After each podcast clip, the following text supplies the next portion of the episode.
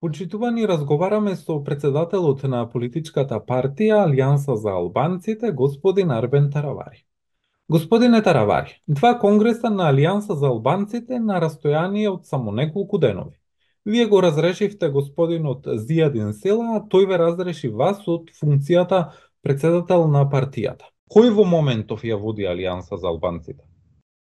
Поред, се нормално, секогаш кога има фракции во партијата, секој се повикува на некои своји аргументи од кои што е, реално согледува дека има право. Меѓутоа, генерално сите факти и аргументи се на нашата страна, исто така ги прашате и нив ќе кажат, така да ние оставивме на крај судот да одлучи, како ќе одлучи судот, ние би ги припатили сите одлуки на судот, бидејќи сме сигурни дека и во Централното председателство, и во Централното собрание, и во членовите на Конгресот имаме мнозинство. На крај, судот како ќе одлучи, ние прифаќаме секоја одлука на судот. Започната е судска постапка? Па најверојатно ќе започне. Ние доставивме цела документација уште од понеделник. Тие имаа малце проблеми за да соберат и подписи за да докажат дека имаат не две третини, ним им треба две третини, на нас ни треба само една половина, имаме повеќе од половина, така да не збориме веќе за пол, е, ние е, имаме таа повеќе од 50% од делегатите од членовите на централно представителство. Ние им треба две третини што е невозможно просто. На крај во суд ќе се одат и подписите и мињата и луѓето кои што се на едната и на другата страна. Таа е фракција на практично во Алијансата за албанците која што веќе е, неколку месеци е многу блиска до тој, меѓутоа сепак и тоа е нивно легитимно легитимен став нив кој го почитувам секако. Имаше многу шпекулации за наводен договор меѓу вас двајцата со господинот Села за поделба на имотот и ингеренциите во партијата. Кажете ни повеќе за ова. Не, не, имаше состанок еден пред повеќе од две недели, кај што се видовме и уште еднаш се обидовме дали може да, да ги испегламе, да речам, разликите. Ние имаме две канцелари, за да нема конфликти, да не се случуваат недоразбирања меѓу тие што се негови поддржувачи и партијата.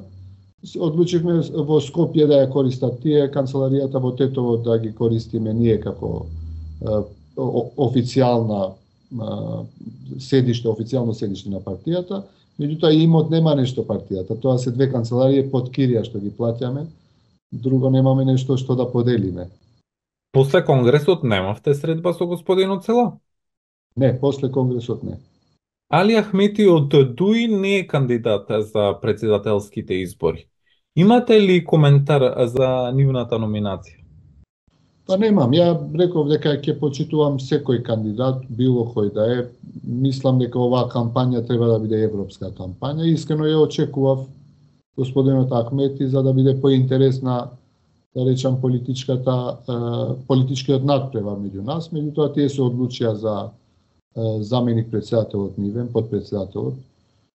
Секако почит за сите против кандидати кои што ќе бидеме во председателската трка на крај народот треба да одлучи, граѓанинот треба да одлучи, било каква да е одлуката, секако ќе ја почитуваме, тоа е волја на народот на крајот на краиштата.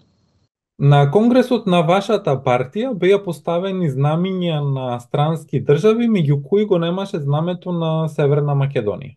Исто така вашите понови објави на социјалните мрежи се само на албански јазик.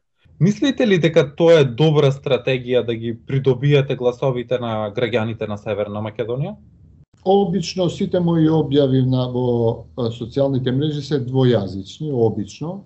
Освен ако е нешто тематски што се однесува за партијата или настаните кои што се случуваат, бидејќи таргетот е тогаш само партиското членство, не е пошироката јавност. Инаку, одете и анализирајте ги сите социјални мрежи, кај што како градоначалник се што ќе се објави е двојазично и мислам дека е меѓу сум меѓу ретките политичари што тоа го практикува не од сега, туку веќе 6 години како градоначалник. А во тоа може да се уверите многу лесно. Само да влезете и да видите уназад 6 години какви се објавите. Најверојатно 80 до 90% се дво или тријазични, за со што и многу се гордеам да ви кажам право.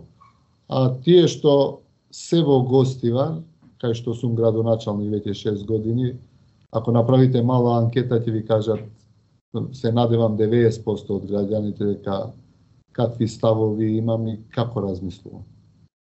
Едно од вашите барања е председателот на државата во иднина да го избира собранието. СДСМ и ВМРО ДПМН се против овој предлог. Зошто ова е важно за вас и со кого би коалицирала Алијанса за албанците? Видете, првиот председател во Македонија, ако се сеќавате 90-тите години, 91 ако не се лажам, беше избран господинот Киро Глигоров и прв пат се избра од, од собранието. Не знам колку се сеќавате. Ја мислам дека ингеренциите на председателот на државата се колку во повеќе околни држави. Ние често се разликуваме, е, ги споредуваме со Косово или Албанија, кои што имаат сличен систем како нашиот парламентарен систем. Мислам дека трошоци на државата не и требаат, може да се избира и преку собрание, како што тоа го направивме за прв пат кога се бираше председателот. И наш став е додека не сме председателски систем, организиран систем на држава, туку сме парламентарна демократија, мислам дека би рационализирали и повторно би имало некаков договор меѓу политичките партии кои кои се во застапени во парламентот. За крај на овој разговор, каде ја гледате Северна Македонија после изборите? Северна Македонија после изборите има само еден пат, нема друга алтернатива. Единствениот пат на Северна Македонија е европскиот пат. Ја мислам дека 90% од граѓаните на Македонија не посакуваат, може би и повеќе од 90%, не посакуваат други сценарија, И јас се надевам дека било која влада да биде после 9 мај, после 8 мај изборите 9 мај кој ќе состави влада, мислам дека тоа е единствениот пат и ние како политичка партија зборувам за Алијанса за албанците, меѓутоа и како опозиција, се опозицијски блок кој што се нарекуваме како вреди, влем на албански, инсистираме по секоја цена единствен пат кој што треба да, да го да го да го средиме и да да патуваме европскиот пат и нема друга алтернатива и не би сакале да помислуваме дека некој би размисли за друга опција.